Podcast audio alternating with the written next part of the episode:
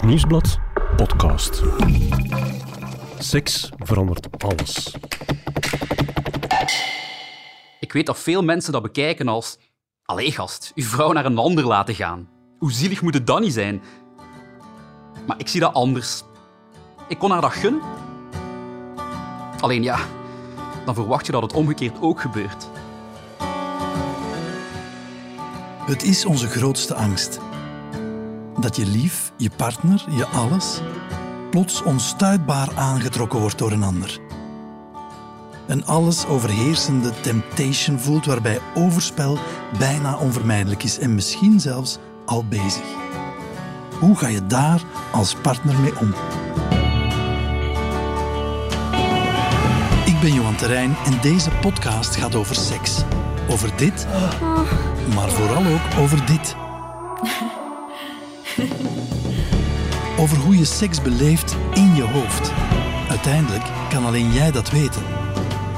En dat maakt het net zo fascinerend. Eigenlijk is seks een spiegel die van alles vertelt over jezelf en je relaties. En de vrouw die ons die spiegel voorhoudt is relatietherapeute Rika Ponet. Zij neemt ons mee naar haar praktijk, Kom binnen. waar ze de meest intieme dingen hoort. Al die jaren is er voor Rika één rode draad die door al die verhalen loopt. De mens zingt het, seks verandert alles, maar dat is uiteraard ook zo. Seks verandert alles. Om niet uit het bed te praten, geeft ze deze echte mensen uit haar praktijk een andere naam en een andere stem. Rika, vandaag hebben we een verhaal over overspel.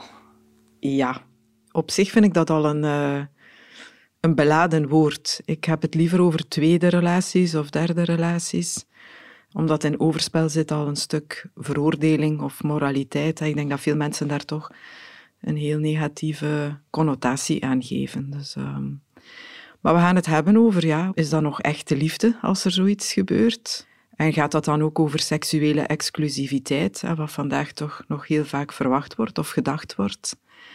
En terzelfde tijd zien we, al zolang als dat de mens rondloopt, denk ik, dat we ons daar toch ook niet al te vaak aan houden. Dus dat Nee. de grootste groep ehm, eerder niet exclusief Ja. graag ziet. Ja, Ja, we verwachten het wel, maar we komen het ook allemaal tegen in ons leven. Precies. absoluut. Ja, Ja. Zeker vandaag. Ja. Tom en Lieselot zijn eind de dertig. Ze zijn al 15 jaar samen, hebben een dochter van 8 jaar en ze hebben allebei een succesvolle carrière als advocaat. Hij met zijn eigen praktijk, zij in een bureau van een flamboyante bekende baas. Tom heeft in zijn jonge jaren een stevig palmares opgebouwd als het over vriendinnen gaat. En Lieselot voelt zich daar niet altijd comfortabel bij. Want ze weet ook, eigenlijk is zij ooit verliefd geworden op hem, maar hij niet op haar. En toch, toch is het niet Tom die hals over kop verliefd wordt op iemand anders, maar wel Lieselot. Moeten we hem een beetje situeren als een vlierenfluiter of een ladiesman meer? Een ladiesman. Ja, want Ja. vlierenfluiten is het niet. Hij heeft daar ook duurzame vriendschappen in. Sommige lieven worden uiteindelijk ook een goede vriendin.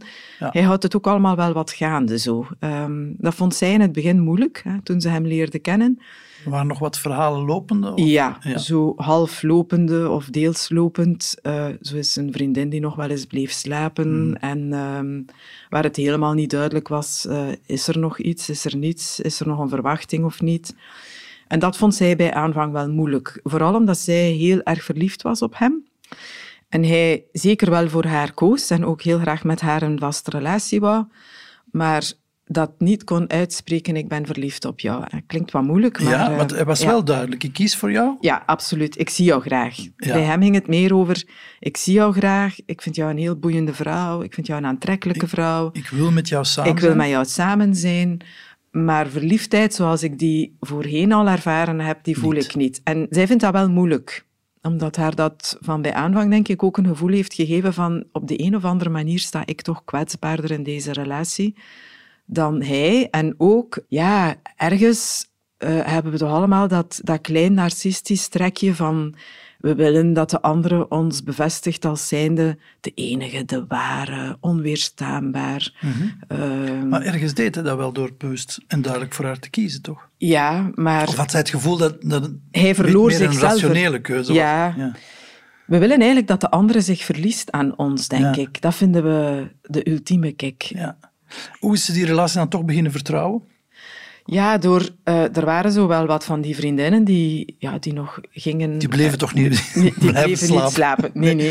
Oké. Ehm, maar ja, bleven toch wel vrij intens contact zoeken en zo. En doordat hij op een bepaald moment dat toch wat afgebouwd heeft. En ook met één of twee van die vriendinnen waar zij dan het gevoel van had, ik vind niet dat dit erg zuiver zit, of ik heb het gevoel bij die vrouwen dat ik daar toch moet mee concurreren, dat hij daar ook eh, afscheid van genomen heeft, of dat hij echt bewust afstand heeft gekozen. En dat gaf haar echt wel het gevoel van, hij kiest voor ons. Ja, Hij gaf heel duidelijke signalen. ja. Ze kregen dan ook een dochter samen.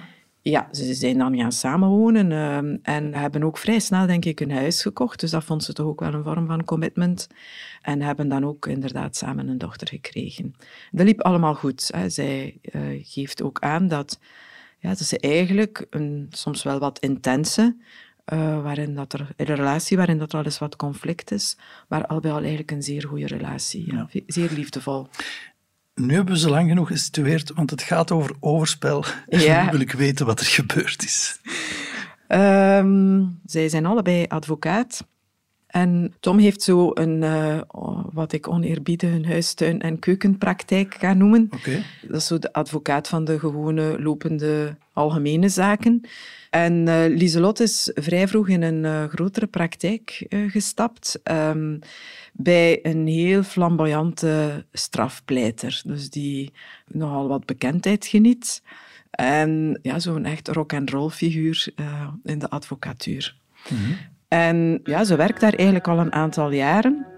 Als ze op een bepaald moment heel intensief met die baas een zaak voorbereidt, een hele zware zaak, een, uh, een assisezaak. En ja, daardoor heel veel uren samenzit met hem Mhm. en uh, daar ja, keihard verliefd op wordt. Ja, dus dat, uh, en het is wederzijds. Dus um, hij uh, begint haar ja, enorm te verleiden, heel veel aandacht te geven. Ze krijgt daar cadeautjes van, hij neemt haar mee uit. Um, ja, die man heeft ook ontzettend veel geld, dus is ook in de mogelijkheid om, om haar enorm te verwennen. Mm. En uh, ja, dus... ze, hij heeft daar ook het gevoel dat zij ja, voor hem uh, alles is zo op dat moment. Ja, ja. Zij een wonderlijke, mooie, intelligente, fantastische vrouw is. Dus plots krijgt Lieselot eigenlijk iemand op haar pad die ja. wel verliefdheid kan geven.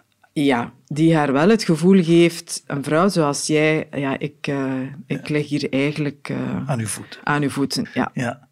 En hoe vertaalde zich dat op seksueel vlak? Een heel passionele, intense uh, seksualiteit. Zij gaf ook aan ja, dat dat een man was met al wel wat extravagantere ervaringen. Op seksueel vlak? op seksueel vlak, ja. Had al ervaring met trio's en verkende daarin toch nogal wel wat grenzen. Ja, zegt ze, eigenlijk is dat iets wat mij niet echt aanspreekt. Maar um, ja, ik voelde wel dat hij mij naar bepaalde grenzen in mijn vrouw zijn en in mijn seksualiteit bracht, die ik heel prikkelend vond. En uh, waar ik blijkbaar toch ook niet zoveel schrik voor had als ik aanvankelijk altijd gedacht had. Hè. Dus uh, een gevoel ook van, ik ontplooi mij nu op een manier die voorheen en ook met Tom tot nu toe uh, niet mogelijk geweest is. Ja, ik okay. ontdek bij mezelf een aantal dingen ja, die mij toch een, een enorm krachtig gevoel geven. Ja. Dus ervaart nieuwe seksuele prikkels eigenlijk? Ja, um, zij zei ook van, ja, ik begon dan ook heel sexy lingerie te kopen, maar heel uitdagende dingen. Open te staan ook voor andere zaken dan uh, ja, het, het, wat, de wat meer vanilleseks, zoals ze dat dan noemen. vanilleseks, heb ik nog nooit gehoord. Dat is de traditionele... Ja, uh... Dat is zo, ja, alles wat, wat lief en, uh, ja. en ja, zo wat inderdaad de, de seks die de meeste mensen hebben, denk ja. ik. Doorsneeseks. de doorsneeseks, ja. Zo, zo weet je, wat ze zei ook was datgene wat, we, wat, wat je zo in Fifty Shades of Grey ziet, hè, dat, dat, uh, dat soort seksualiteit. Een, dus er kwamen bepaalde, zweepjes bij. Ja, zowat een vormen van agressiviteit en dominantie, want het is ook een hele dominante man. Ja. ja, wat heel veel ja, passie en passionaliteit in dat contact bracht. Ja. Maar komt het echt in een SM-verhaal terecht? Of, nee, of nee, absoluut niet. Nee, nee, nee. Dus, eh, het is, eh, maar zodat, eh, ja, zo wat meer experimenteren met kleding, eh, met speeltjes. Ook de wijze waarop hij haar behandelt. Ja, de wat ruwere, agressievere eh, seks. ehm, Het tegen de muur plakken, zeg ja, maar. En dan ook nog eens op de bureau. op de bureau. ah ja, de glazen tafel Ja. in dit geval. Ja. Ik had dat echt nog nooit ervaren. Die, die spanning, dat was echt super. Die, ja, het was heel sensueel. Het was echt spelen. Ik kleedde mij dan sexy voor hem als ik naar het werk ging. En ik raakte hem aan stiekem in de gang. En op den duur konden wij ons echt niet meer houden. Dat was zo intens. Dat is natuurlijk ook zo spannend aan overspel. Dat is natuurlijk dat het stiekem is. Of zo Ja. in elk geval ontstaat. Zo is het ontstaan, maar ehm, ze heeft eigenlijk eh, vrij snel dat thuis zelf verteld. Ja. Bovendien zei ze ook van, ik, ehm, ik wou ook eigenlijk mijn relatie niet opgeven. Dat lag niet op tafel. Ik had vrij snel goed door dat eh, die relatie met die baas, dat dat niet iets was dat blijvend zou zijn. En ehm, ik zou die ook nooit vertrouwen om daar een vaste relatie mee te hebben. Of ik zou daar niet op vaste basis mee verbonden willen zijn. Want ik weet dat dat een verhaal is waarin dat je dan heel de tijd moet concurreren met andere, Andere vrouwen. ehm, dat je die nooit voor jezelf hebt. Dus hoe overweldigend die verliefdheid ook is, Ja, ze beseft ergens al, dit is een soort extra, Ja. maar geen blijvend... geen blijvend verhaal. En terzelfde tijd ook wel, toch wel zeer onweerstaanbaar. Ze had het Ja. gevoel, voor mij was dat zo overweldigend, ik kon daar geen nee tegen zeggen. Onmogelijk. Nee, maar omdat Tom er nog altijd is, een man met wie ze echt wel, wel verder wil, Ja, gaat ze dus het gesprek daarover. haast het gesprek aan. Ja, hij schrok daarvan. Ehm, al gaf hij in het gesprek met mij, ehm, ja, straalde hij daar een bepaald soort van coolness rond uit. Zo van, ja, het was precies of hij toch niet ehm, op zijn grondvesten daverde toen hij dat hoorde, terwijl je dat wel ergens verwacht, hè, als mensen horen dat Dat een partner grond onder uw voeten, voeten. Wegschuift. Ja. het spreken over, ja, er is plots een gat, of ik val Ja. in een diep gat. Of, ja, ik voelde mij volledig in een paniekstand ehm, terechtkomen. Ik weet dat dat niet gaat blijven duren. Ik heb dat ook meegemaakt. Hè. Dat overweldigt u in het begin, je verliest jezelf daarin, je bent super verliefd. Maar dat eindigt. Weet natuurlijk ook, als ik haar dat nu verbied, hè, als ik mij hier nu voor haar leg, met heel mijn lijf, ja, dan ben ik haar 100% zeker kwijt. Dus hij geeft haar de toestemming. Ja, echt woordelijk. Hij zegt daar van, kijk, ehm, ik vind dat niet makkelijk, hè, wat nu gebeurt. Maar ik denk dat je dit moet beleven. hè. Ik denk dat het snelst uit je systeem zal zijn en dat we er het snelst mee rond gaan zijn als ik jou de kans bied Ja. om dit eh, te beleven. Doe maar, ga. Ik denk dat je dat ook nodig hebt voor jezelf op de een of andere manier. Dat is eh, wat hij als boodschap Rika, gaf. echt, dat is een onwaarschijnlijk mature reactie. Ja, Maar tegelijk voel ik ook van, ik weet niet of ik een- het zou kunnen. ja, wat een offer. Ja, En wat een, wat een liefde ook, wat een vrijgevigheid of zo. Ja. ja, en zo kwam het ook in het gesprek binnen hoor. Ehm, want ja, je zou dat nu kunnen gaan analyseren als ja, die man is gewoon keihard bang van die vrouw te verliezen. Ja. En onder druk van dat gegeven hè, laat hij haar dat toe. Maar het was veel meer dan dat. hè. Ik voelde heel duidelijk dat dat bij hem echt was. Ik zie jou heel graag. Ik ben ervan overtuigd wat wij hebben, dat dat heel waardevol is. En ik eh, geef jou nu die ruimte om dit te beleven, omdat ik ervan overtuigd ben dat je terugkomt. Allee, of dat, dat we dit gaan overleven. Wat deed dit met eh Lieselot? Want vrouwen vallen toch op zelfzekere mannen. hè? Ja, ze- Had hij niet zoiets van, wauw, sexy, ik wil u terug. Ehm, eigenlijk aanvankelijk een stukje verbouwereerd, maar dan ook, zij zei van dat was alsof dat er een golf van liefde over mij Ja. eh, ja, heen stroomde zo, of mij overspoelde. Dat de man waar ik mee samen was, eh, mijn, mijn gevoel van bewondering en van diep respect en de diepe liefde die ik daarvoor voel, eh, wat iets anders is dan de verliefdheid en de passie en de seksuele aantrekking die ik tegenover die andere man heb, dat gevoel, uh, dat werd op dat moment alleen maar verdiept en, en versterkt. En uh, ja, het was alsof ik zo wist van mijn veilige haven, alles wat ik heb, dat is er, dat blijft er. En ik kan nu even de haven uitvaren en de wilde zee eventjes aandoen. En ik weet dat ik nadien met mijn bootje terug naar mijn veilige haven kan. En op de een of andere manier had ze dat ook nodig, om dat, tweede verhaal, om dat, um, om dat helemaal mogelijk te maken en ten volle te beleven. Want ze zei, daardoor ben ik ook daar ja, volledig daarin opgegaan en heb ik dat ook uh, volledig doorleefd vanuit het diepe besef, dat is toch maar voor even en ik keer nadien uh, terug.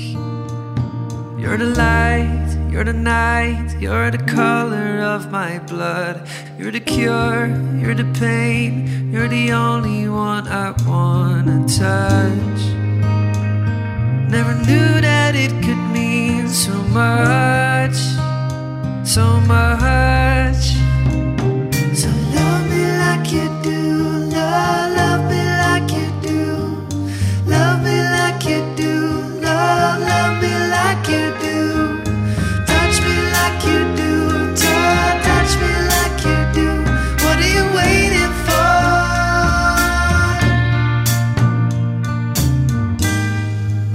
Je ontmoet ook andere mensen.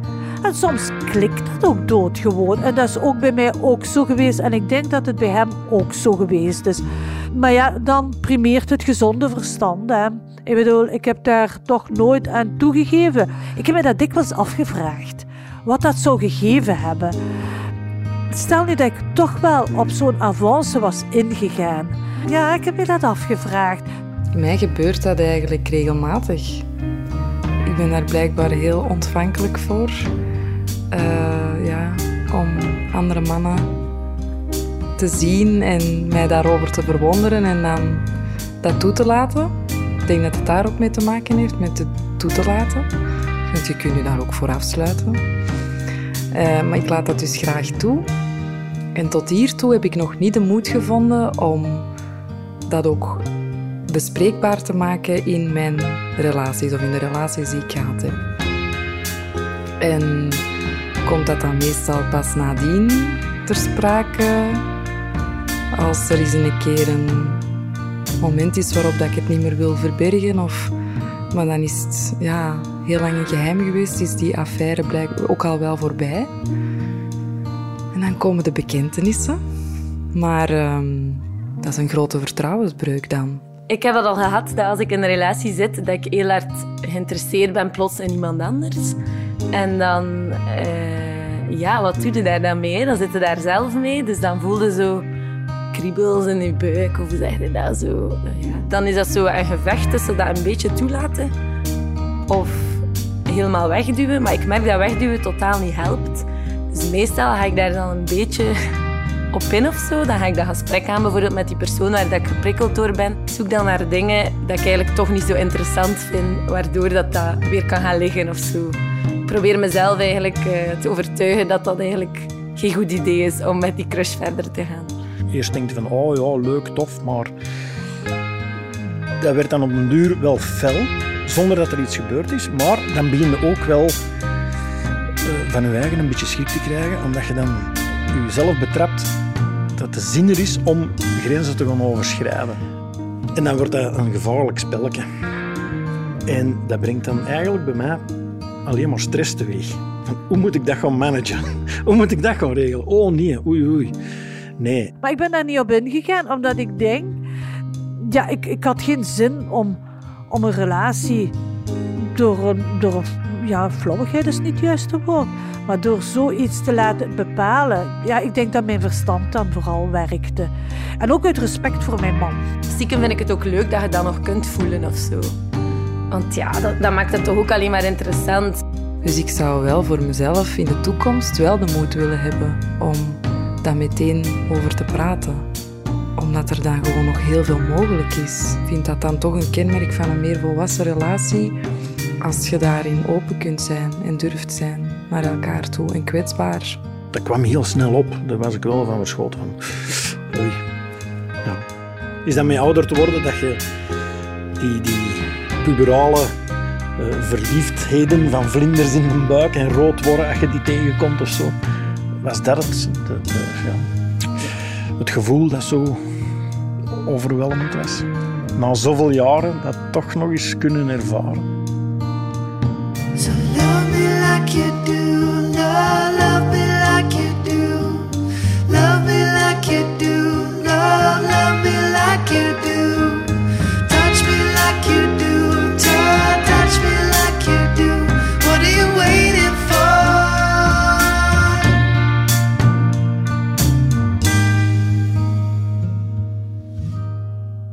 Rika, het is een heel bijzonder verhaal eigenlijk. Ik denk dat heel veel mensen nu denken, mochten mijne dat doen, hij lag direct buiten. Ja. Ik denk in theorie dat heel veel mensen denken als mijn partner met iemand anders iets begint of Ja. heel intens verliefd wordt op iemand anders, dan staat de deur open en is het gedaan. Hè. Daar stopt het. In de praktijk blijkt dat toch vaak een heel stuk anders te zijn. En merk je dat ehm, mensen ook daarin eh, bij zichzelf dan dingen ontdekken die veel minder zwart-wit zijn. Eh, zien dat ze hun grenzen een stukje aan verleggen, toch de afweging maken, wat hebben we, wat stelt dit voor, Ehm, gaan we dat volledig weggooien. Soms zie je dat er ook na een tweede relatie een verdieping komt van, eh, en dat, eh, dat gebeurt veel vaker. Want eh, dat is wat veel mensen denken, hè, van ja. dat komt nooit meer goed. Dat komt nooit. Is, er is iets tussen gekomen en die relatie wordt nooit meer hetzelfde. Ja, en dat blijkt in de praktijk echt niet zo te zijn.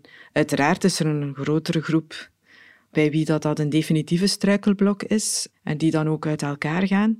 Eh, maar er is een, eh, een zeer aanzienlijke groep die verder gaat na overspel. En ook verdiepen. Ja, die eh, vaak voor het eerst alle kaarten op tafel leggen.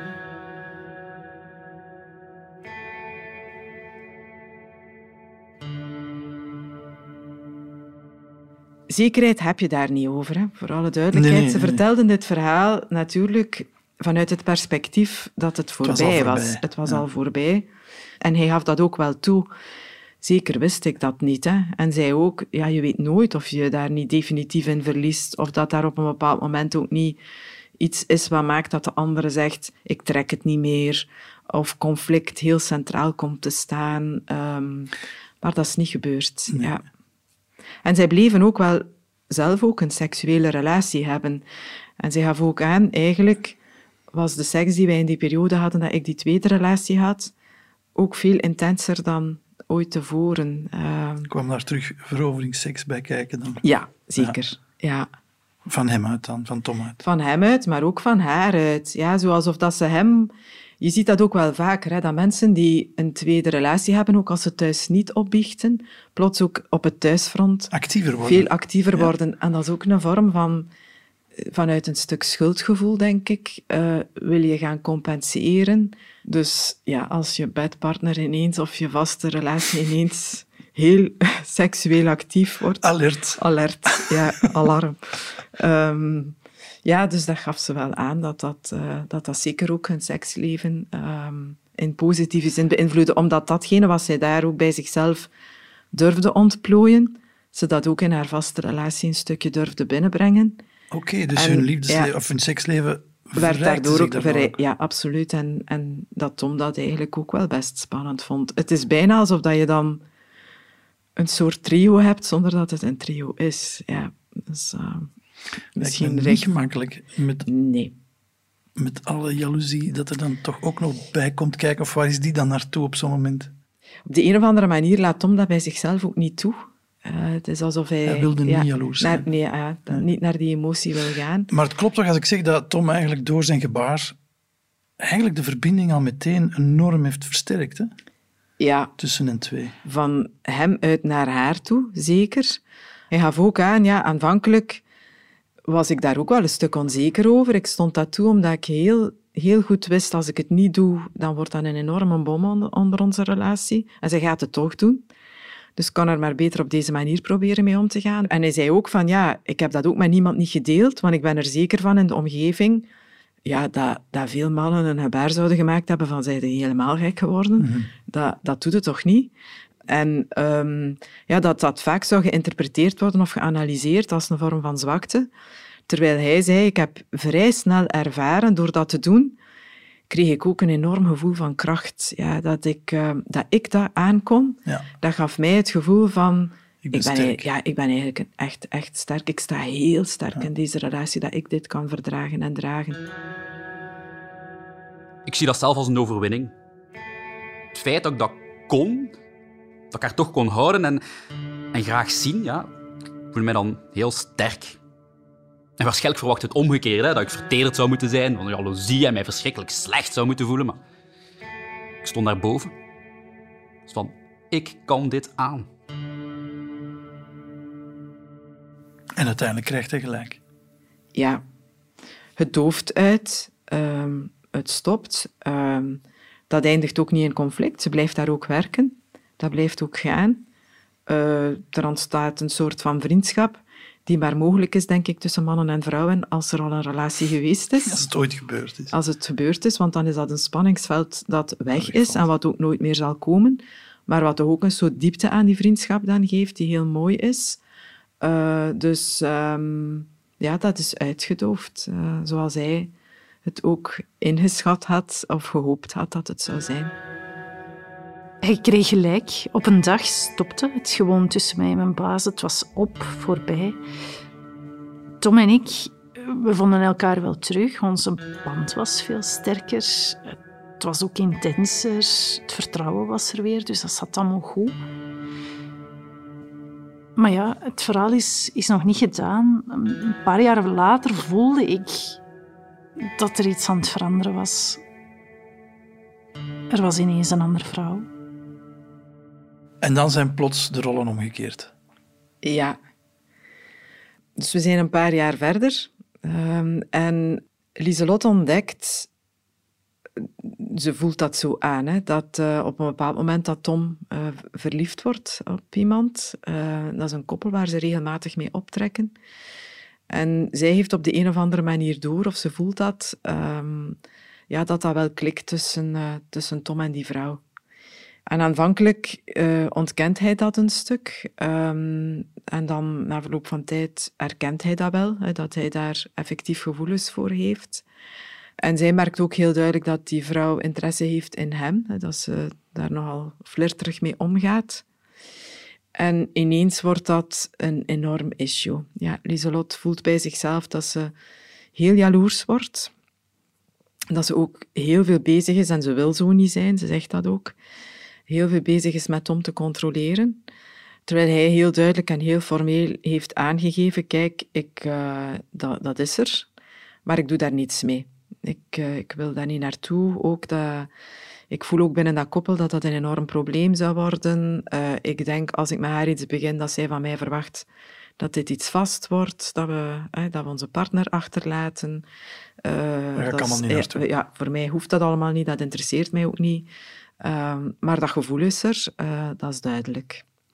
Maar zij heeft dat daar eh, heel, heel moeilijk mee. Ja. En Dus er begint gebeurt daar... eigenlijk niks. Er is geen overspel. Hè? Er is, Er is, gewoon nee, er is verliefdheid. verliefdheid. Ja. Ja.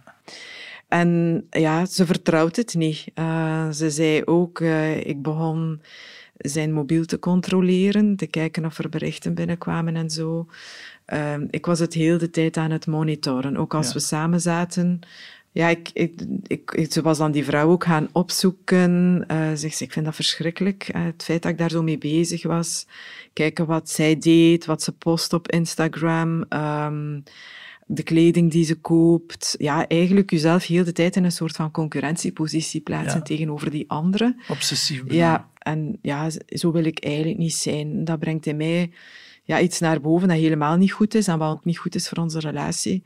Ze krijgen daar ook al maar vaak ruzie over. Ehm, en hij wordt dan ook wel regelmatig boos. Ehm, Want hij heeft zoiets van, hey, ik kon het hey, toch aan jou gunnen ook. ja, wat hebben we een aantal jaren geleden meegemaakt? Ja. Ik verwijt jou dat niet, maar ja, dat is er wel. Eh, Het is ook iets wat ik meedraag, Mhm. eh, wat ik ook niet kan vergeten of wat ook nooit weg zal gaan. En nu gebeurt dit, ik doe daar zelfs niets mee.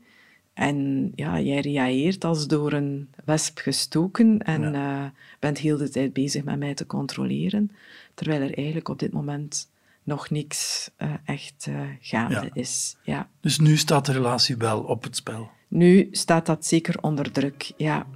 En dat is ook het moment dat ze waarop ze bij mij komen. Ja.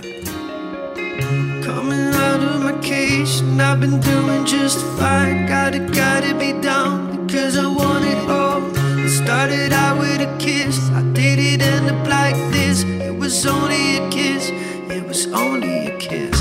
Now I'm falling asleep, and she's calling a cab while he's having a smoke, and she's taking a drag.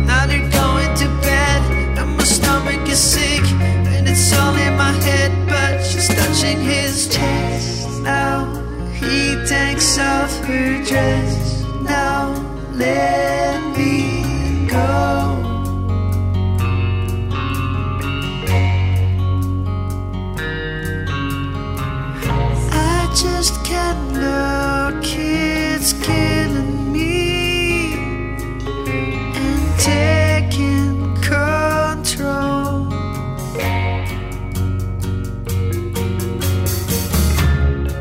Partner zegt van ja, ik ben er echt zot van geworden, en, en, ja, dan, dan laat ik die ook vrij. Want die dan gaan inbinden en niet die kans of, of poging geven om, om dat gaan uit te testen. Wie ben ik? Iedereen eh, is daar. Allee, je zegt geen, geen, geen materieel eh, stuk bril, gsm of noem maar op dat je bezit. Dus dan moet, vind ik, moeten die persoon vrijlaten, maar dan is bij mij ook wel de relatie gedaan.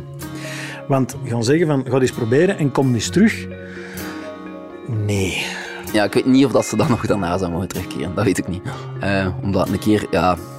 Ik denk dat dan het eh, mannelijke ego in, in voegen gaat treden. Ehm, ik denk het niet, eerlijk gezegd. Want die gaat, die gaat natuurlijk een ervaring opdoen, die persoon die dat gaat doen, en die gaat dat meebrengen terug. En een, een relatie, een leven, dat is voor mij een kabel. En dat er hier een, een kink in de kabel zit, die zit heel ver, voelde die nog. Wat is overspel? Seksuele interactie of, of denken? En, ja. Ik heb altijd gezegd dat ehm, zo iemand binnen doen op een zatte avond en die persoon niet kennen en daarna ook nooit meer zin hebben om te sturen, lijkt mij minder erg dan eigenlijk geen kus geven, maar wel heel lang met iemand sturen en over iemand dromen. En dat zou ik erger vinden, moest mijn partner dat doen. Stel dat mijn vrouw zou thuiskomen en zou zeggen van ik ben verliefd op iemand anders of, of ik, ja, ik heb gevoelens voor iemand anders, dan weet ik eigenlijk echt niet hoe ik daarop zou reageren. Ja, ik, om eerlijk te zijn, dat klinkt misschien een beetje pompeus, maar dat gaat niet gebeuren, want ze heeft ook altijd tegen haar moeder gezegd van ik, heb, ik wil een grote man met zwart haar en, en eh, ja, ze heeft ook gewoon gezegd, jij, jij bent voor mij alles waar ik van droomde. Ja, dat, is... Ja, dat heeft, enfin, dat heeft ze mij toch gezegd en ik geloof haar. Ik geloof niet dat de mens gemaakt is voor monogamie eigenlijk. Waarom is er zoveel overspel? Omdat mensen nu eenmaal gevoelens krijgen voor andere mensen, omdat je seksueel aangetrokken voelt voor andere mensen, omdat we niet gemaakt zijn om aan één persoon heel ons leven lang ehm, dat soort toewijding te hebben, denk ik. Dus ik zou liever hebben dat hij dat komt vertellen. Ehm, en nu geloof ik heel erg graag dat ik daar dan zeg, ja tuurlijk, doe maar, ik ben super chill. Ehm, maar dat weet ik natuurlijk niet, ik zal ze laten weten hè, als het zover is. Ehm, maar ik zou dat wel liever hebben, ja.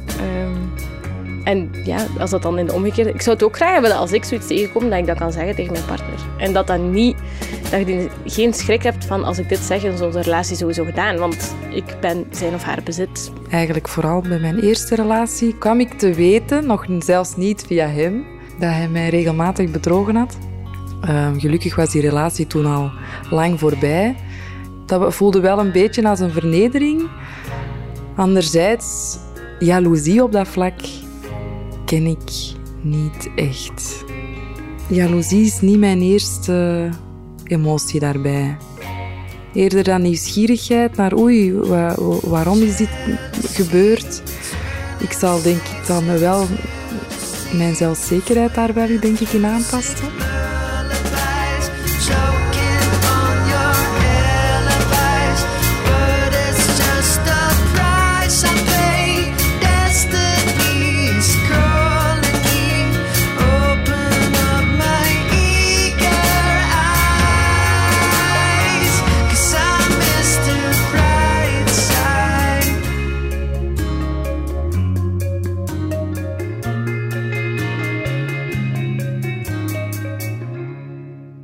Weet wat onkuisheid is. Zo staat het in de tien geboden al eeuwenlang. Maar de realiteit leert toch dat dat zesde gebod niet altijd tot op de letter wordt nageleefd. Overspel was er, is er en zal er altijd zijn. Maar gebeurt het nu vaker dan vroeger? En wie is er het trouwst, de man of de vrouw? Je hoort het, dit zijn prangende vragen voor onze lovehacker Kaatje, die zich elke week verdiept in de wetenschap der liefde en seksualiteit. Kaatje, verlos ons, die echtbrekers, die scheefpoepers, die vreemdgaanders, die foefelaars, die schuinsmarcheerders. Wie zijn ze en wat drijft hen in de armen van een ander? Er zijn niet veel cijfers te vinden, maar de weinige cijfers die liegen er niet om. Eén op de drie mensen zou vroeg of laat te maken krijgen met overspel. De exacte cijfers die lopen dan weer uiteen van 15 tot 80 procent, een beetje afhankelijk van welke bron je raadpleegt. In Vlaanderen is er één groot onderzoek gedaan, Sexpert, een enquête uit 2013 van de UGent en de KU Leuven. Dat was een soort nulmeting, het eerste onderzoek dat echt peilde naar onze seksuele gezondheid. Daar antwoordden één op de vier mannen ja op de vraag of ze tijdens hun relatie ooit seks hadden gehad met een andere persoon dan hun partner. Bij vrouwen was het iets meer dan één op de vijf. We weten dat de hoogste percentages terug te vinden zijn bij dertigers en bij 50 tot 64-jarigen. Daar ging één op de drie ooit vreemd. We weten ook dat het gebeurt in alle leeftijds- en bevolkingsgroepen. Grappig genoeg blijkt ook dat mannen in zulke enquêtes de neiging hebben om hierover de waarheid te vertellen, terwijl vrouwen onderrapporteren. Zij geven het dus minder toe. Uit een telefaxonderzoek in 2017 kwam nog een verschil naar voren tussen mannen en vrouwen. Als mannen hun lief bedriegen, dan gaat het in de helft van de gevallen om een one-night stand. Bij vrouwen gaat het in de helft van de gevallen om een affaire. En nadien zijn we er ook niet altijd even eerlijk over. Slechts 36% zou zijn of haar misstap opbiechten aan de partner. En opvallend, mannen lijken ook hier eerlijker dan vrouwen. 40% ligt zijn partner uiteindelijk in, tegenover 30% van de vrouwen. Ik heb zo'n beetje het gevoel dat ik mij moet verontschuldigen in naam van alle vrouwen, maar kijk, het zijn de naakte cijfers, we moeten het ermee doen. Tom en Lieselot komen bij jou in de praktijk, willen eraan werken. Ja. Ik heb sterk het gevoel dat er een soort van openstaande rekening is. Hè? Dus eh, Tom heeft Ja. dat kunnen geven aan Lieselot. Ja. En Lieselot heeft eigenlijk bij het minste signaal een Ja. enorm probleem van jaloezie. En, Ja. Je begrijpt eigenlijk Toms reactie heel goed, denk ik, als je daar naar luistert van, eh, ja zeg, hè, ik heb haar dat toegestaan en nu doet zij zo vervelend. Anderzijds ehm, toont het heel mooi aan dat wat Tom daar als daad heeft gesteld, dat dat eigenlijk zijn positie in de relatie helemaal niet verzwakt heeft. Integendeel, dat dat er net voor gezorgd heeft eh, dat hij nog sterker in die relatie staat.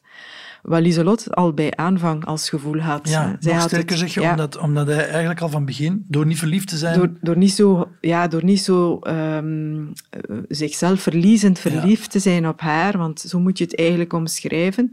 Hij was enorm aangetrokken door haar, hij voelde zich daar... ehm, ja, hij, hij, ziet, hij zag die van bij aanvang graag, zo omschrijft hij het. Het was direct liefde, zegt hij, niet verliefdheid. Ehm, maar zij had dus inderdaad heel duidelijk het gevoel van hij verliest zichzelf daar niet in zoals ik mij dat doe naar hem toe, wat mij kwetsbaarder maakt. En door haar dat dan ook nog eens toe te staan om dat te beleven, had zij het gevoel van ik sta nog kwetsbaarder in die Ja, relatie. Dus dat was nog versterkt. Ja, dus nog meer uit evenwicht eigenlijk. ja. ja, ik bekijk dat dan altijd en ik denk ook echt wel dat dat zo is, dat er een soort van machtsonevenwicht ontstaat in die relatie. En macht is een heel lelijk begrip, maar ehm, in liefdesrelaties is dat heel essentieel, dat je het gevoel hebt dat eh, ja, jouw betekenis, wat jij in die relatie bepaalt, wat er kan of niet kan, eh, dat die even groot is als die van de andere. Dat gaat altijd over een vorm van ja, ook gelijkwaardigheid in dat emotionele verhaal.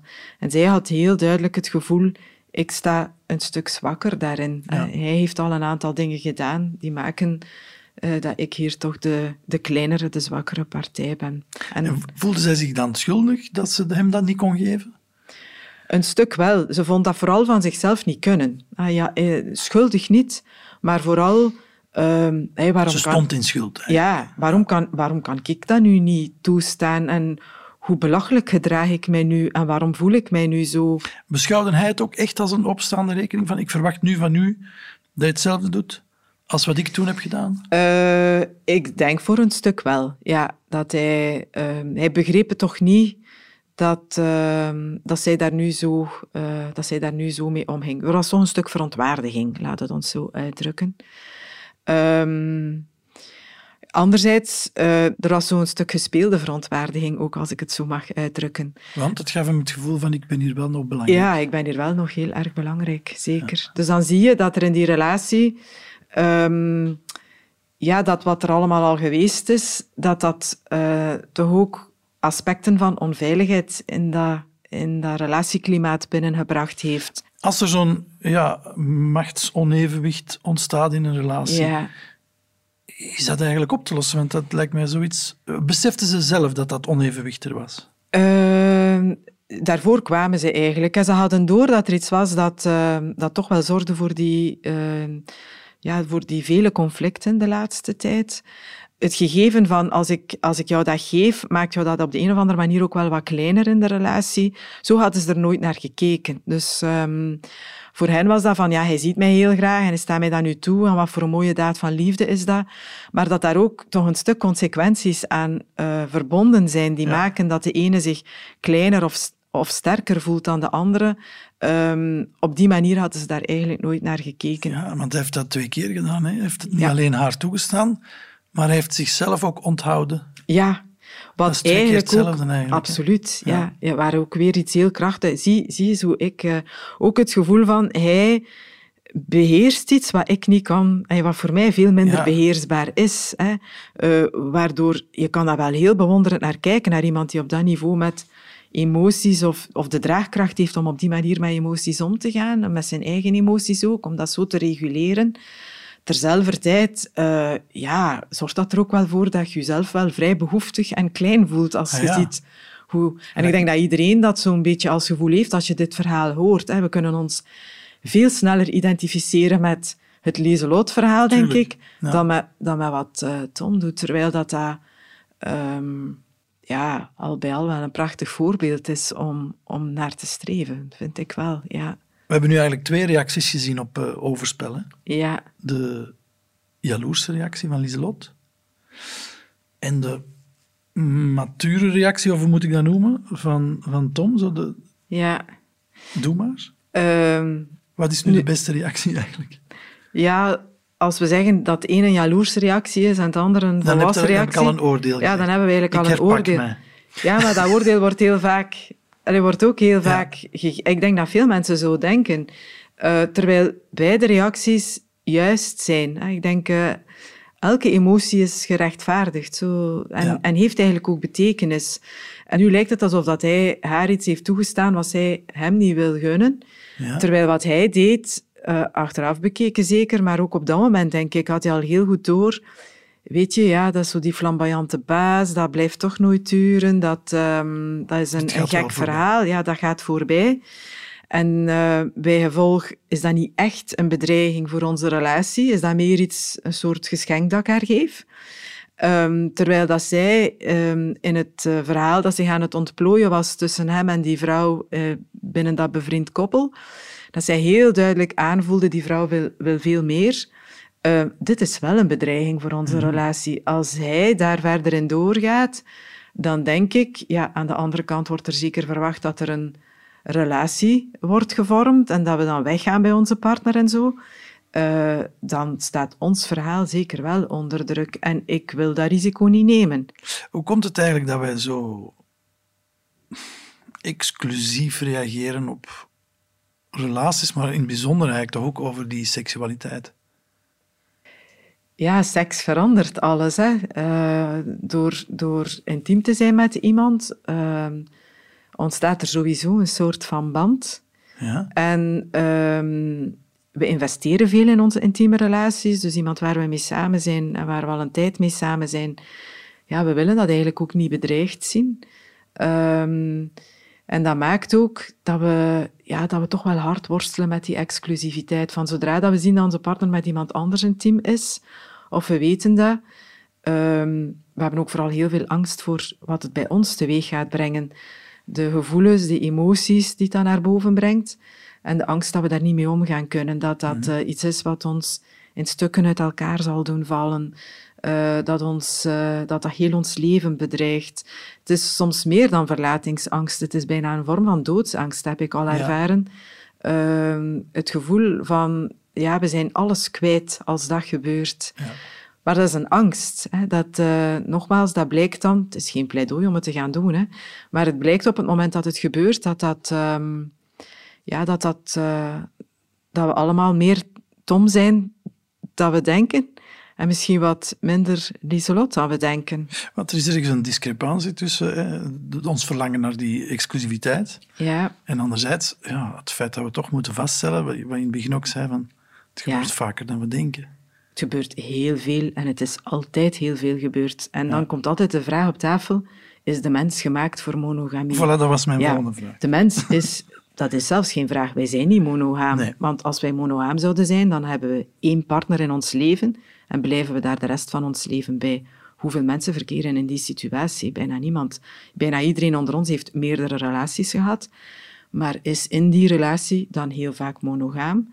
Maar ehm, eh, ook dat staat vandaag onder druk. Hè. Je ziet dat hoe langer, hoe meer mensen ook doen wat Tom en Lieselot doen. Of dat daar eh, nogal wel wat variaties op dat thema zitten.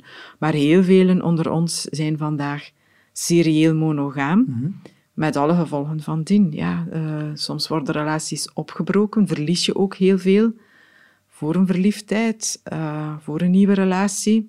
En daar merk je van vandaag dat daar veel vragen rond zijn. Ja. Zeker als daar kinderen bij zijn. Ja. Moeten we dat altijd allemaal op die manier doen? Moeten we altijd in de totaliteit van zo'n liefde gaan staan? Of kunnen we doen wat, wat zo'n Tom doet? Ja, Ja, en omdat je inderdaad elke keer Herbegint. enorm veel moet opgeven enorm veel om moet aan die opgeven volgende seriële kapot monogamie te beginnen. hè? Ja, omdat dat ook veel destructie is als we altijd opnieuw weer stoppen en herbeginnen.